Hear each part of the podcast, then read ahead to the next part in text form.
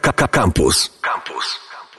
Mam nadzieję, że jesteście przed śniadaniem e, z dobrą kawą w kubku, bo będziemy zaostrzać wasz apetyt. Dzisiaj Gosia Kwiecień, witam was serdecznie w Małej Czarnej, a moim gościem jest Bartek Kierzun. Cześć. Cześć. E, Bartek jest, no właśnie, tak nawet trudno cię scharakteryzować, bo jesteś dziennikarzem, dziennikarzem kulinarnym, podróżnikiem kulinarnym ale też już takim, takim tambylcem, można powiedzieć, włoskim. Wiesz, ja nie wiem, co mam ci powiedzieć. No tak, ja trochę, trochę rzeczywiście podróżuję z powodów zawodowych i piszę o tym, e, więc wiesz, jestem osobą, osobą piszącą. Ja bardzo nie lubię tej wyliczanki, wiesz, bo teraz mamy takie czasy, że to uwielbiamy sobie powyliczać, że wiesz, e, e, jestem pisarzem, autorem, eseistą, prozaikiem i tak dalej, i tak dalej. No, żyję z pisania, rzeczywiście piszę książki e, kulinarno-podróżnicze. E, mieszkam trochę w Polsce, trochę we Włoszech. E, mia miałem taki plan i udało mi się go do, do, dopiąć, więc, więc rzeczywiście jestem trochę, tak, trochę też tam bywalcem. Hmm, Albo tu bywalcem. Ale chcecie się wracać. No właśnie, gdzie jest bardziej twój dom? Na czy, pewno, czy żyjesz na dwa domy po prostu? Wiesz co, żyję na dwa domy ewidentnie, natomiast e, jeżeli chodzi o takie zupełnie, zupełnie prozaiczne rzeczy, to zdecydowanie e, domem bardziej jest Polska, natomiast jeżeli chodzi o głowę, to domem dużo bardziej są Włochy i tego jestem pewien. E, więc wiesz, to jest zabawne, no bo tych rzeczy nie da się podzielić, nie? To jest jednak tak, że jednak tutaj mam lekarza, tutaj mam, tutaj mam barbera, tutaj mam, tutaj mam, wiesz, tutaj mam dużo więcej ciuchów w szafie niż, niż we Włoszech, ale... No to akurat nie dziwne a, ta, ta, tak, bo tu jest zima, tu potrzebuję zestawu zimowego, ale rzeczywiście, wiesz co, żyję na dwa domy i... E, no i to trochę ryje głowę, trochę pomaga tak naprawdę. A gdzie gdybyś, gdybyśmy mieli taką możliwość przemieszczania się dowolnie w czasie i przestrzeni, to gdzie byśmy dzisiaj zjeli śniadanie i co by to było? Jejku, to wiesz co, to bez wahania powiem ci tak, zabrałbym, zabrałbym wszystkich, wszystkich słuchaczy do Stambułu, bo uważam, że tam to śniadanie nie ma sobie równych. E, to jest, e, to jest tak, że Stambuł przejął, e, śniadanie stambulskie nie jest śniadaniem stambulskim, bo, albo inaczej nie było wcześniej śniadaniem stambulskim, ponieważ na, na drugim, zupełnie przeciwległym końcu Anatolii jest jezioro Van. I nad jeziorem Van w pewnym momencie ktoś wymyślił, że śniadanie powinno składać się z pierdyliarda małych miseczek, talerzyków, wiesz, salaterek, w których będą oliwki, ser, miód, konfitura, pieczywo w, w, w, kilku rodzajach, e, różnego rodzaju pasty, e, bo robią też coś wspaniałego absolutnie i to polecam, żeby sobie zrobić w domu. Melasa z daktyli wymieszana pół na pół z tachiną. Słuchaj, to ciekawe połączenie. To jest absolutnie fantastyczne. Słuchaj, zrobienie tego zajmuje 3 minuty, bo to samo gęstnieje w zasadzie przy, przy mieszaniu. Jakie 3 minuty? 3 sekundy.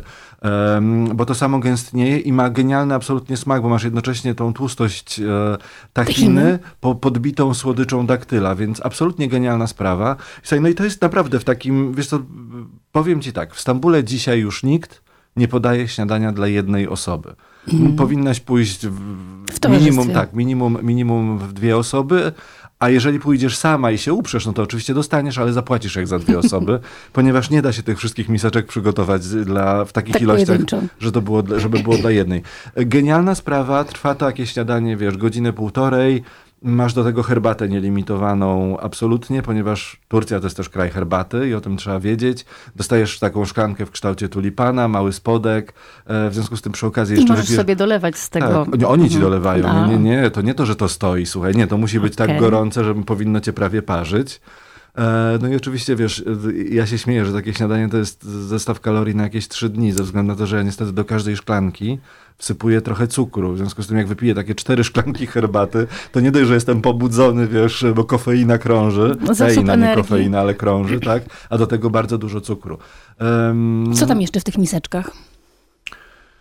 Zawsze kilka rodzajów sera, e, bo oni mają sobie genialny biały ser, który się nazywa pepejnir i to jest tak naprawdę w zasadzie nasz twaróg, przy czym... Przy A to jest czym... taki odpowiednik tego hinduskiego panira dodawanego do... Słuchaj, nie. To jest nie. ser taki powiedziałbym w połowie drogi między twarogiem a fetą, bo on jest bardzo słony, kruszący się. E... Owczy? Owczy, ale też mieszany. Może się pojawić ser, który nazywa się tulum, E, absolutnie genialny ser, słuchaj, z mleka koziego i owczego. E, ten ser się dojrzewa, zaszywając go w takim skórzanym baniaku robionym z tego wszystkiego, co z kozy albo z owcy zostanie. E, możesz też dostać, słuchaj, kawałek e, sera, który będzie podobny do halloumi, bo to, bo to jest zabawne, wiesz, tam, tam, tam, tam, tamtejsze sery rządzą się swoimi prawami. One nawet jeżeli będą podobne do czegoś, to są robione odrobinę inaczej. Będzie ser podobny do mozzarelli. E, do tego muszą się pojawić jajka i możesz te jajka na dostać na ciepło. Możesz te jajka dostać, słuchaj, w taki sposób, że robi się coś, co nazywa się menemem, i będziesz miała pomidory z cebulą na patelni. E, przy czym ta cebula to jest rzecz bardzo, bardzo dyskusyjna, ponieważ uwaga, 50% Turków uważa, że musi być cebula, drugie 50% uważa, że nie. Szkoła Falenicka i szkoła Otwocka. Dokładnie.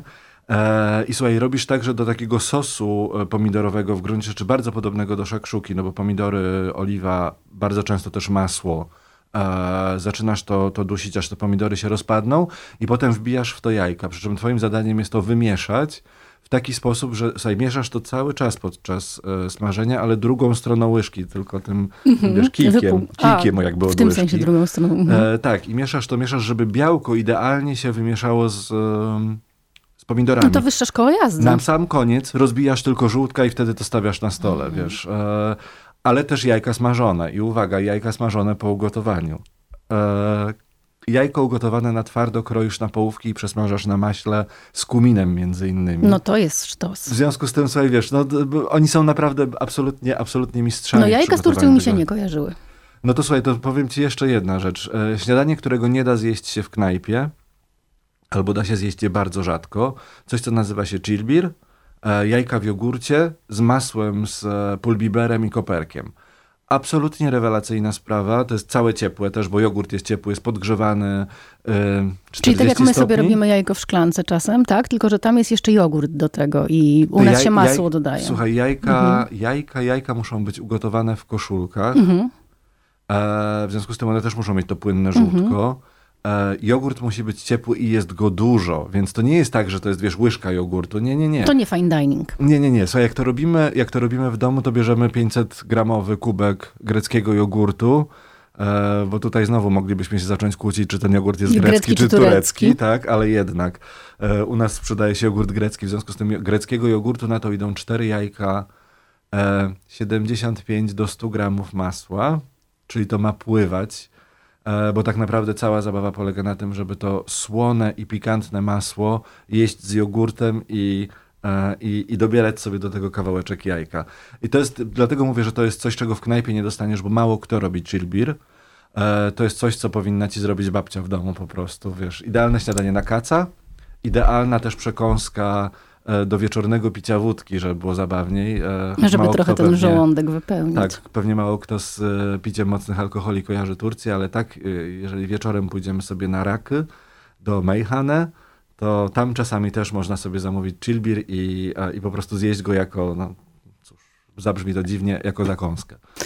W tym czasie pewnie łatwiej było wam przygotować sobie trzy miseczki z serem e, i oliwkami niż e, jajka e, z jogurtem, ale tego czasu na gotowanie będziecie mieli cała niedziela przed wami, a Bartek Kierzun jeszcze nie jedną ciekawą inspirację wam podrzuci, jako ten, który gotuje fotografuje, podróżuje i jeszcze spisuje te swoje mm, doznania. Stambuł do zjedzenia, tak można powiedzieć. Stambuł do zjedzenia, tak, to chyba, wiesz co, to jest chyba jednak moja ulubiona, chyba ulubiona moja książka. Y, wiem, że to dziwnie brzmi, ale, ale wiesz co, ja pracowałem nad nią, pracowałem nad nią dość intensywnie, spędziłem sporo czasu w Stambule i no, jadłem tam nie tylko śniadania. E, I jestem przekonany, że kulinarnie to jest, to jest, to jest absolutny raj. E. I ciekawe, że mówisz to ty mieszkający pół roku we Włoszech.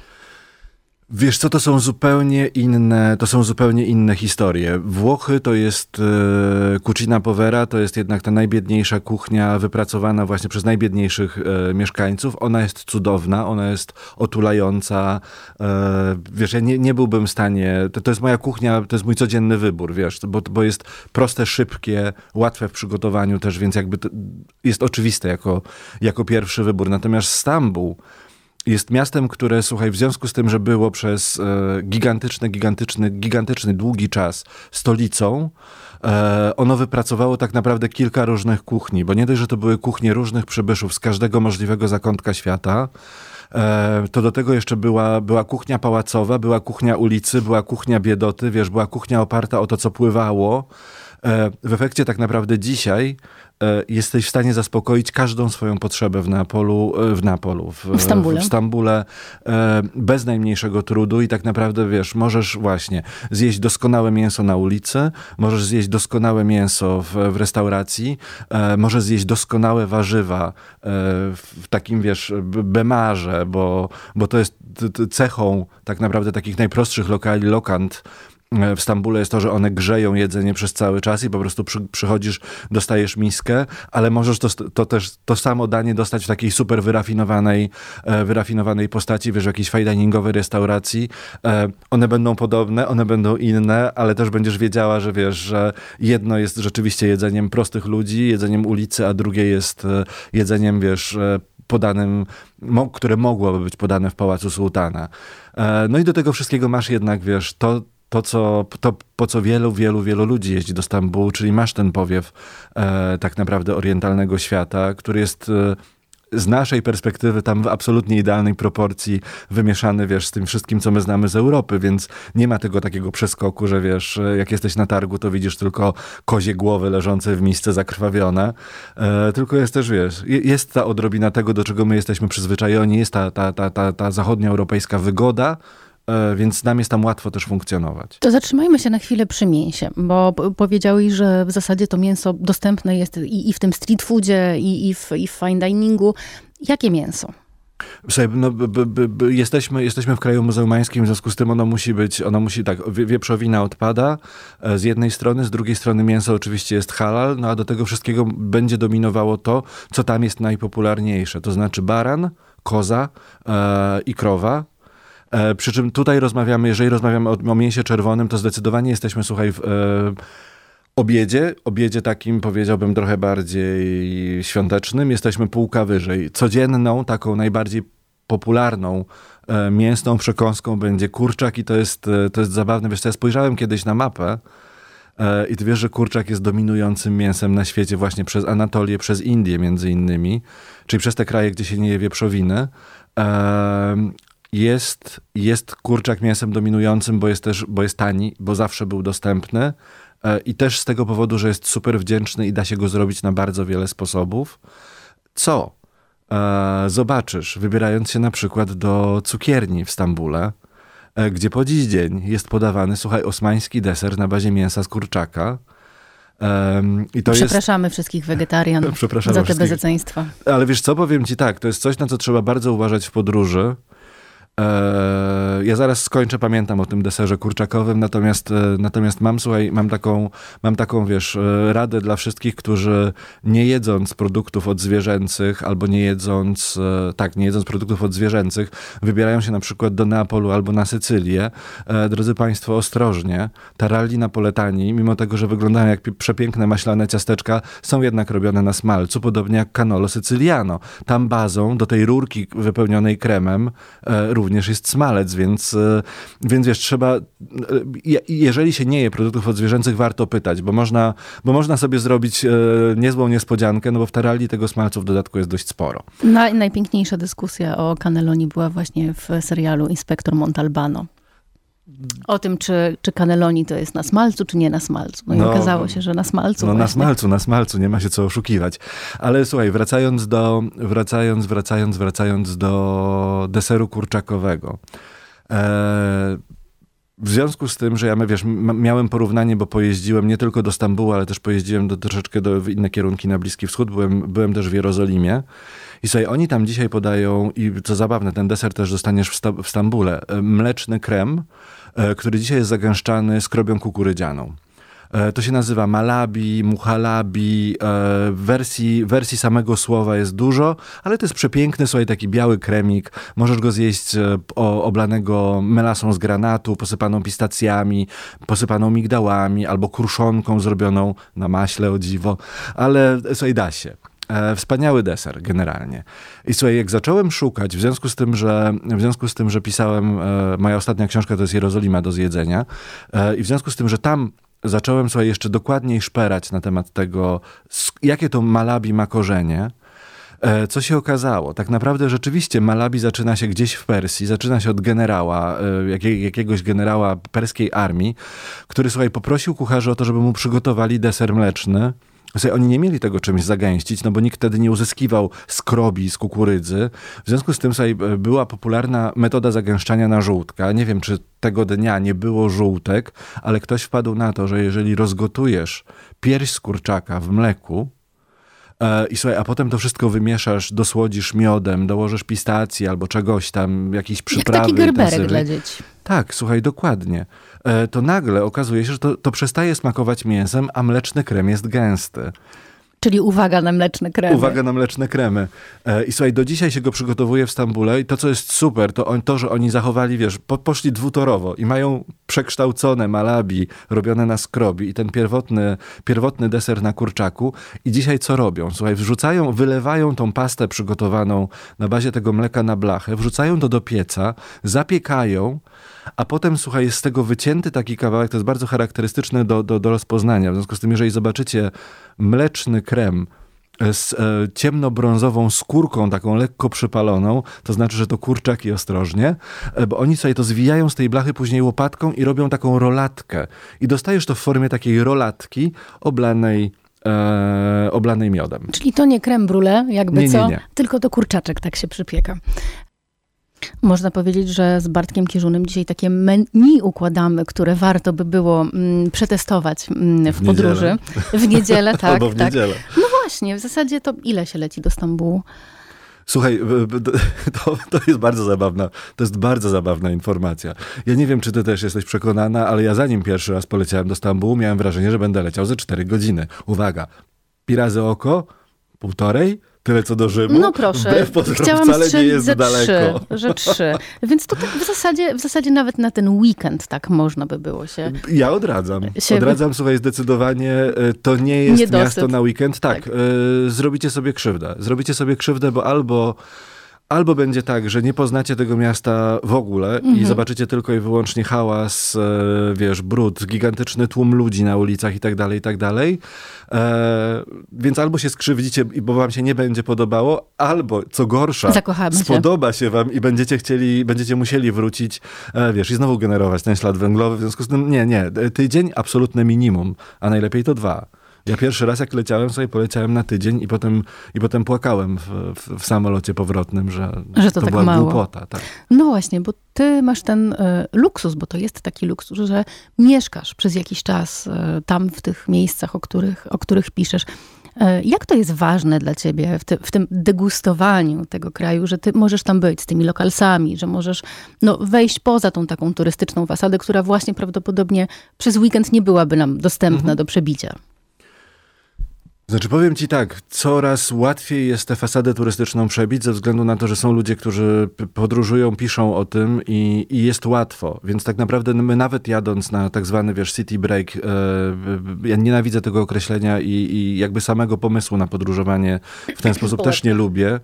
E, ale da się, nawet w tym takim krótkim pobycie, jeżeli wiesz, poświęcisz chwilę przed wyjazdem, to jesteś w stanie jeść dobrze e, i widzieć właściwe rzeczy w mieście, bo, bo nie jesteś skazana właśnie na taki, wiesz, bardzo powierzchowne zwiedzanie.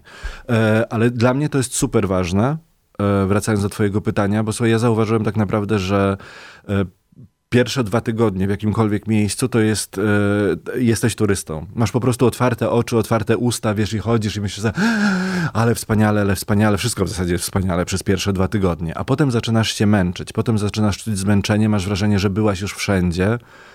E, wiesz, ja tak po, po, no właśnie, mniej więcej po dwóch tygodniach w Jerozolimie miałem coś takiego, że miałem poczucie, że wiesz, e, ja już wiem jak chodzić, już wiem, że ja widziałem to, co powinienem w mieście zobaczyć, i wtedy tak naprawdę, dopiero wtedy zaczynają się wydarzać najfajniejsze rzeczy, bo ty jesteś już, jesteś już trochę zmęczona, e, już trochę wiesz, i masz czas na to, żeby gdzieś usiąść i wiesz, i po prostu, nie wiem, gapić się po prostu jak, e, jak gość gotuje bób gdzieś na ulicy, po to, żeby nim wieczorem karmić, e, karmić przechodniów, e, albo właśnie siedzisz i widzisz, że wiesz 18.30 zaczynają się po, po, pojawiać piersi, e, piersi handlarze kebabowi, którzy rozstawiają takie, wiesz, małe skrzynki metalowe, rozpalają tam węgiel i e, węgiel drzewny. Oczywiście i zaczynają, wiesz, zaczynają się szykować do tej wieczornej sprzedaży, no bo tam też przez to, że jest gorąco, duża część aktywności jest przesunięta na, na wieczór, więc, e, więc to obycie takie z miastem, taka, taka wiesz, taka takie poczucie, że coś rzeczywiście ważnego w tym mieście możecie spotkać, wydarza się zdecydowanie później, dopiero po dwóch tygodniach, a nie, a nie wcześniej. Bo na początku to jest, wiesz, to jest ten taki najbardziej... Um, Chłoniesz, ale nie rozumiesz tak, naj, tak, najbardziej prosty i najbardziej potrzebny naszemu sercu zachwyt. Oczywiście, że tak. Tylko, że wiesz, ja nie chcę pisać tylko i wyłącznie o tym takim właśnie pierwszym zachwycie. Ja chcę troszeczkę zrozumieć z tego, co się tam dzieje i to jest właśnie, wiesz, to jest, to jest historia o tym, że e, podczas trzeciego pobytu, w Atenach e, i podczas trzeciego pobytu, który był powodowany tym, że ja chciałem Ateny zobaczyć też w innej porze roku, Słuchaj, stanąłem, stanąłem na targu i zobaczyłem, że gość ma słuchaj, przed sobą skrzynki z różnego rodzaju cebulami. I byłem na targu warzywnym. Wiesz, nie byłem na targu kwietnym, a te wszystkie cebule wyglądały jakby były... Do zjedzenia. E, tulipanem. Nie, a, absolutnie nie. Tulipan, krokus, mhm. E, wiesz, e, może hiacynt. Nie wiem, wiesz, że to, to nie jest cebula. No, inaczej, to, to była cebula, natomiast to nie była ta cebula, do której ja byłem przyzwyczajony. I sobie zacząłem, zacząłem tego chłopa wypytywać, e, co to jest, co to jest. On, on, oczywiście mówił doskonale po, po angielsku, ja oczywiście mówiłem doskonale po grecku, więc byliśmy skazani na telefony. E, sobie on mi nagle pokazał, e, pokazał mi żarówkę, że, znaczy inaczej, tłumaczenie z greki na polski wyszło, że on sprzedaje żarówki. No więc, wiesz, pouśmiechałem się, pokiwałem głową i pomyślałem sobie, tak, tak, na pewno, żarówki. Jak wkręcę to w lampę, na pewno pewno nie, niewiele mi to pomoże, ale, ale okej, okay. słuchaj, no wiem, że nie byłem w stanie więcej, rozumiesz? Próbowałem, nie udało się, zrobiło mi się smutno, nie wiedziałem co to, ale stwierdziłem, że jak mam trafić, to trafię. Słuchaj, dwa dni później poszedłem do swojej ulubionej knajpy w e, Atenach, która się nazywa Seszele, na obiad. E, I oni podają jedną z takich najbardziej popularnych greckich e, przystawek, podają to w takiej porcji, że to już nie jest przystawka, tylko danie, ale, ale w, w, w karcie funkcjonuje w przystawkach. Jest fawa, czyli pasta z, zielone, z żółtego groszku z Santorini. Ona jest absolutnie genialna, tam jest, słuchaj, cebula, tam jest oliwa, tam jest czosnek, tak naprawdę mamy coś do czynienia z czymś, co trochę przypomina humus. E, i w zależności od pory roku to jest podawane z różnymi rzeczami. E, no bo latem oczywiście dostaniesz na tym kapary, cebule, pomidory, wiesz, odrobinę oliwy, może zostać oliwki na tym. Czasami się pojawia mięso mielone i wtedy to, to rzeczywiście jest danie główne. E, więc całe mnóstwo wariacji na temat, na temat tego, e, na temat tej fawy. I sobie wchodzę do, do tych seszeli, widzę, że mają fawę i coś tam jest napisane, że sobie coś tam, coś tam, jakieś cebulki, co...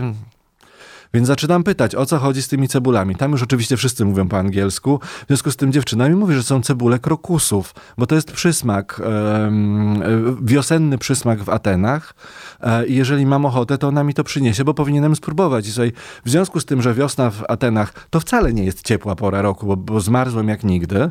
E, sobie dostałem talerz ciepłej letniej fawy przykryty takim gęstym, po, porządnym, słuchaj, jakbyś na to spojrzała, to pomyślałabyś, że wiesz, jesteś w samym środku zimy gdzieś w Austrii, gulaszem, na który składała się, słuchaj, cebula czosnek pokrojona i w, e, całe cebulki krokusów w takim ciemnym, słodkim od cebuli sosie. E, I to było rzucone na tą le, le, leciuteńką fawę, na tą pastę z tego groszku. Słuchaj, genialna... Jakie to też nieoczywiste połączenie. Genialna sprawa mhm. i w końcu wiedziałem, co ten człowiek na tym targu sprzedawał, więc... I, i Czyli wiesz, już wiesz, gdzie chodzić po żarówki. Tak, już wiem, gdzie chodzić po żarówki i wiem, jak je zrobić. No właśnie, co cię, co cię zaskoczyło najbardziej w tym odkrywaniu miast, odkrywaniu miasta od kuchni? E, jest jakiś taki schemat, który, który odkryłeś? E, niezależnie od tego, gdzie byś był, czy, czy, czy nie? Czy, czy każde miasto to, to inna podróż? Słuchaj, to jest inna podróż za każdym razem, ale chyba to, co, to, co jest dla mnie uderzające, co w pewnym momencie wylazło samo, e, słuchaj, to jest to, że ja się zorientowałem, że ja cały czas, ale to naprawdę cały czas gonię tego samego królika. E, bo to, co jest zachwycające, słuchaj, to w związku z tym, że ja mam tych książek już sześć na, na koncie e, i byłem tak naprawdę i w Portugalii, i we Włoszech, i w Hiszpanii, i w Grecji, i w Turcji, i w Jerozolimie, to się okazało, że słuchaj, że ja zaczynam spotykać tych samych ludzi i ci sami ludzie mi wyskakują w zupełnie innych okolicznościach, do których nie jesteś przyzwyczajona.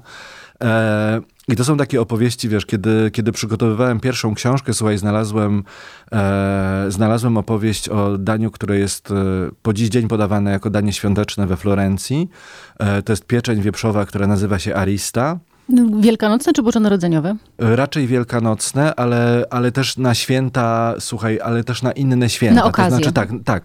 Wesela, śluby, mhm. chrzciny i tak dalej, i tak dalej. Jak, jak chcesz się pokazać, że wszystko u ciebie dobrze, to właśnie powinnaś to danie postawić na stole. E, I sobie znalazłem opowieść, że, że to jest 500 lat historii, e, był renesans, był sobór we Florencji, który tak naprawdę tylko częściowo oczywiście odbywał się we Florencji, a przeniósł się tam, bo gdzieś tam wybuchła dżuma. E, no i słuchaj, oni tam obradują, obradują, obradują, potem podano kolację i podano tę pieczeń.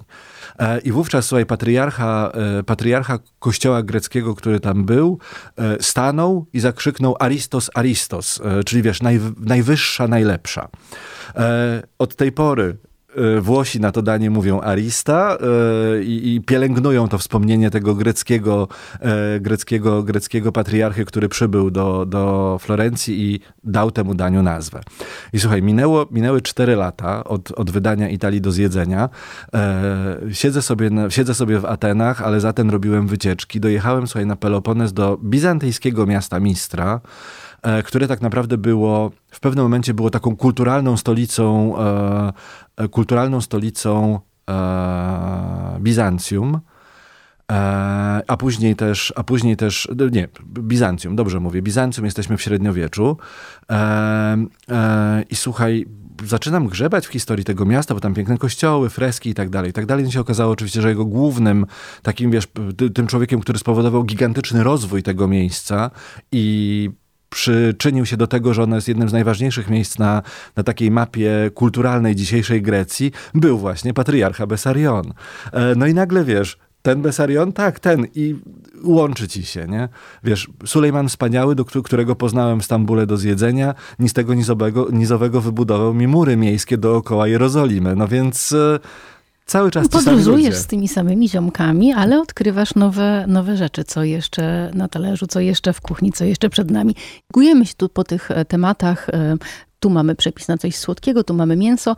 No to jeśli jesteśmy, jesteśmy bo byliśmy przed chwilą we Włoszech, to jeszcze powiedz o ragu, bo jeszcze do kebaba musimy wrócić. No ale zacząłeś o ragu, to powiedz o ragu. ale słuchaj, z ragu to jest, wiesz, to sprawa jest skomplikowana. Które ragu? No właśnie. Bolońskie, neapolitańskie, e, wiesz, to tak samo jak z, z jest tak samo dokładnie, że oni się kłócą e, kto był pierwszy i która jest ważniejsza, albo lasagna, albo która wersja, e, która wersja ragu. E, powiem ci tak, Bolończycy, Bolończycy zrobili genialną rzecz, ponieważ oni e, oni są metodyczni, wiesz, to jest jednak północ, w związku z tym są metodyczni. Oni mają szczegółowo opisany cały proces przygotowania e, mięsnego ragu bolońskiego. E, łącznie z gramaturą poszczególnych rzeczy. W związku z tym na ragu bolońskie jest jeden przepis. Możesz się oburzać, możesz się denerwować, możesz twierdzić, że ugotujesz ragu w godzinę. No jesteś e, wtedy heretykiem. Tak, wyśmieją cię, powiedzą ci, że nie masz pojęcia o gotowaniu, bo wszyscy wiedzą, że minimum 4 godziny. Wszyscy wiedzą, że na koniec do bolońskiego ragu należy wlać 50 ml mleka, ha, zaokrąglają sobie, wiesz, te, te, te kwaśne pomidory, doskonale wiedzą, co robią, bo rzeczywiście smakuje wybornie, ale oni są sobie w tej swojej metodyce posunięci naprawdę daleko, daleko, ponieważ... E, ja nie wiem, czy, nie wiem, czy tak jest nadal, ale pamiętam swoją pierwszą wizytę w Bolonii, e, która była wizytą lotniczą, w sensie takim, że przylecia, przyleciałem tam samolotem, sobie wyszedłem z samolotu i pierwsze co zobaczyłem to nie napis e, ushita, czyli wyjście, tylko zobaczyłem napis e, spaghetti e, alla bolognese non esiste, czyli spa, spaghetti bolońskie nie istnieje. Nie istnieje.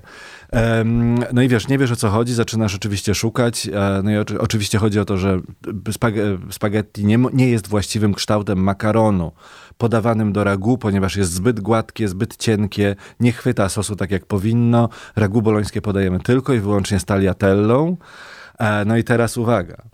Taliatella też jest szczegółowo opisana i uwaga, w, w Bolonii w ratuszu leży złota taliatella, która jest, słuchaj, która została przygotowana. Wzorzec marki tak, Sewr. Tak, dokładnie. Szerokość, grubość i wszystko.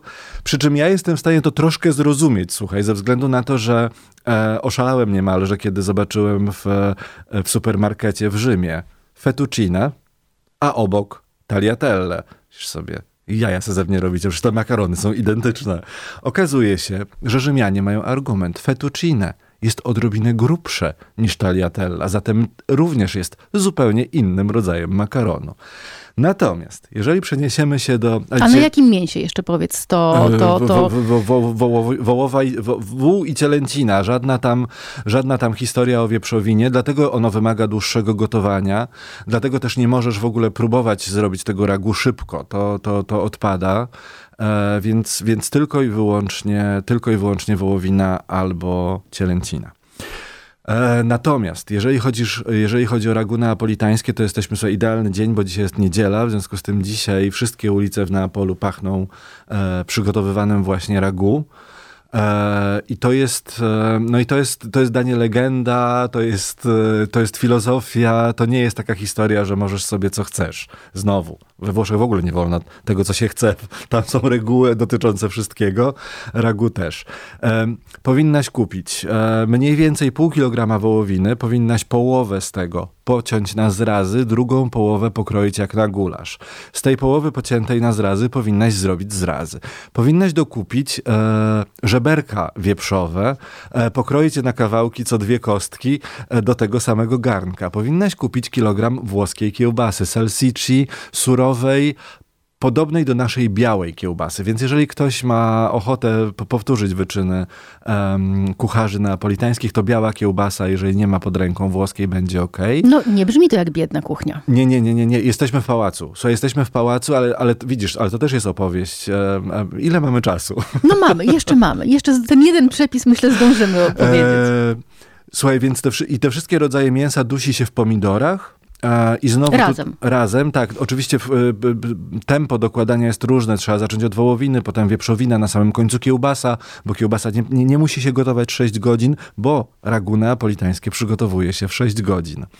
I podajesz, i podajesz, słuchaj, to, to, to podajesz jako drugie danie, na stół, te wszystkie mięsa z tego, z tego, półmi, z tego, z tego gara. Natomiast sos, który, który się zrobił, podajesz z makaronem jako pierwsze danie. E, tego dnia e, na stole. I niedziela właśnie pachnie, pachnie bolońskim ragu w Neapolu. A skąd to danie się wzięło w tej bogatej, bogatej kuchni. Słuchaj, żeby było zabawniej, są to totalne, ale to totalne neapolitańskie niziny. Ponieważ pomidory były tanie, Mięso było pierońsko drogie i mało kogo było stać na mięso. Co robiono? Przygotowywano pomidorowy sos i wrzucano do tego jakiś tam kawałeczek mięsa i gotowano go tak długo, aż on się rozgotuje i rozpadnie. I w ten sposób sprawiedliwości stanie się zadość. Ty jako osoba gotująca ten obiad również uszczkniesz odrobinę tego mięsa. Twój syn uszczknie, twoja córka uszczknie jeszcze mę dla męża zostanie. Wszyscy będzie. będzie wszystko będzie ok. Do takiego ragu wrzucano też na przykład kość od szynki, jeżeli miałaś w domu, wiesz, e, jakąś zeschniętą skórę od boczku, czyli od panczety, albo skórę od guanciale, czyli od podgardla. Wrzucano to do gara, gotowano 6 godzin po to, żeby to mięso jak najwięcej tego smaku oddało. po prostu oddało i żeby te pomidory zaczęły mięsem smakować. Taka jest geneza neapolitańskiego ragu, które dzisiaj, w związku z tym, że Neapol jest troszkę bardziej demokratycznym miastem niż kiedyś, podaje się właśnie z czterema rodzajami mięsa, przygotowanymi na różny sposób, bo i jako gulasz, i jako rolatka, i jako, i jako kiełbaska, e, więc... Siedzimy tu od dziesiątej, w małej czarnej jakby nie było i słowa nie wspomnieliśmy o kawie. To chyba najwyższy moment, Bartek, żeby coś powiedzieć. Słuchaj, no to opowiem ci, opowiem ci moją, moją, jedną z moich ulubionych anegdot dotyczącą, dotyczącą kawy z Jerozolimy, bo tam oczywiście, wiesz, ja się rozbuchałem, e, rozbuchałem się kardamonowo i każda kawa była z kardamonem. E, kilka razy kupiłem kawę na Starym Mieście. E, ona była ok, oczywiście, bo, bo, bo za każdym razem jest to kawa świeżo mielona, e, wiesz, dostajesz ją w bardzo ładnej papierowej torebce i tak dalej, i tak dalej. No wszystko jest tak, jak powinno być. Ale słuchaj, przed wyjazdem, e, nie, to nie było przed wyjazdem, to było mniej więcej w połowie pobytu, słuchaj. E, poszedłem sobie na ulicę na Blusu, to jest, e, to jest arabska część miasta, ale poza murami Starego Miasta. E, sobie patrzę, sklep z kawą, pachnie przepięknie w ogóle i myślisz sobie, ciekawy jestem, jakie oni tam w ogóle mają ziarno w tej, w tej Jerozolimie, wiesz, czy tam ktoś coś wie o tej trzeciej fali, coffee speciality i te rzeczy, wiesz. Hm. No bo w sumie po co ci taka, tak wysokiej jakości kawa do mieszania e, z kardamonem? Z kardamonem. Sobie patrzę, przed sklepem leżą worki, worki, worki wypełnione kawą, wszystkie, prosto z Brazylii, coffee speciality. Oho, no to wchodzę do środka, słuchaj, e, żeby nie było, cena nadal była, e, cena nadal była niziuteńka za tę kawę, e, bo kawa nie jest droga, jest towarem pierwszej potrzeby, w związku z tym nie mogła być droga, tak, to nie Warszawa, to nie Kraków. I słuchaj, podchodzę do człowieka i mówię mu, że ja chciałbym trochę kawy z kardamonem. Słuchaj, ten na mnie patrzy i tak, a jak ją będziesz parzył? Mówię, że makineta włoska, okej. Okay. Jak palona? Jasno czy ciemna?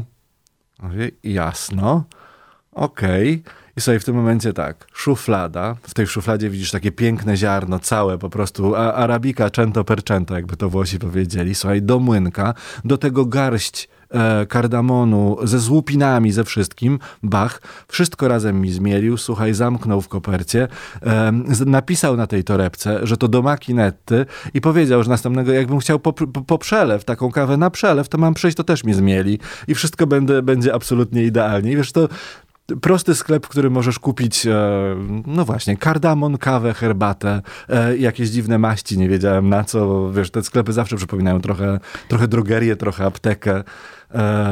No i była to rzeczywiście najlepsza kawa i od tej pory już kupowałem kawę tylko i wyłącznie tam. Tęsknisz za tą kawą, kiedy jesteś mm, gdzie indziej, czy jesteś otwarty na to, że e, kawy świata są różne? Słuchaj, jestem otwarty i powiem ci tak, we Włoszech, we Włoszech jestem, jestem absolutnym fanem espresso i cappuccino. E, jeżeli mam sobie kawę zrobić w domu, to żeby było zabawnie, jest to przelew, e, przy czym znowu... Nie przeszkadza ci ta kwasowość przelewu? Nie przeszkadza mi kwasowość przelewu, słuchaj, i do tego jeszcze powiem tak. W ostatnim czasie spotkało mnie bardzo miłe wydarzenie. Dostałem, słuchaj, cały worek arabskiej przyprawy do e, do kawy i teraz sobie robię ten przelew mm. z tą przyprawą. E, jest ona zupełnie inna. To nie jest, to nie jest kardamon. Tam nie ma kardamonu. To jest mieszanka. Jest, tak, tam to jest mieszanka bazująca sobie w gruncie rzeczy na bardzo dużej ilości imbiru. E, ususzonego, zmielonego. I powiem ci, że to kawa plus imbir, plus ta odrobina kardamonu, która tam jest, plus odrobina cynamonu, podejrzewam też gałki muszkatałowej, e, sprawia, że kawa jest absolutnie, ale absolutnie cudowna i piję ją bez dodatku cukru, bez mleka, bez niczego, po prostu gorzką. Mm, ciekawe, czy ten smak da się e, odtworzyć.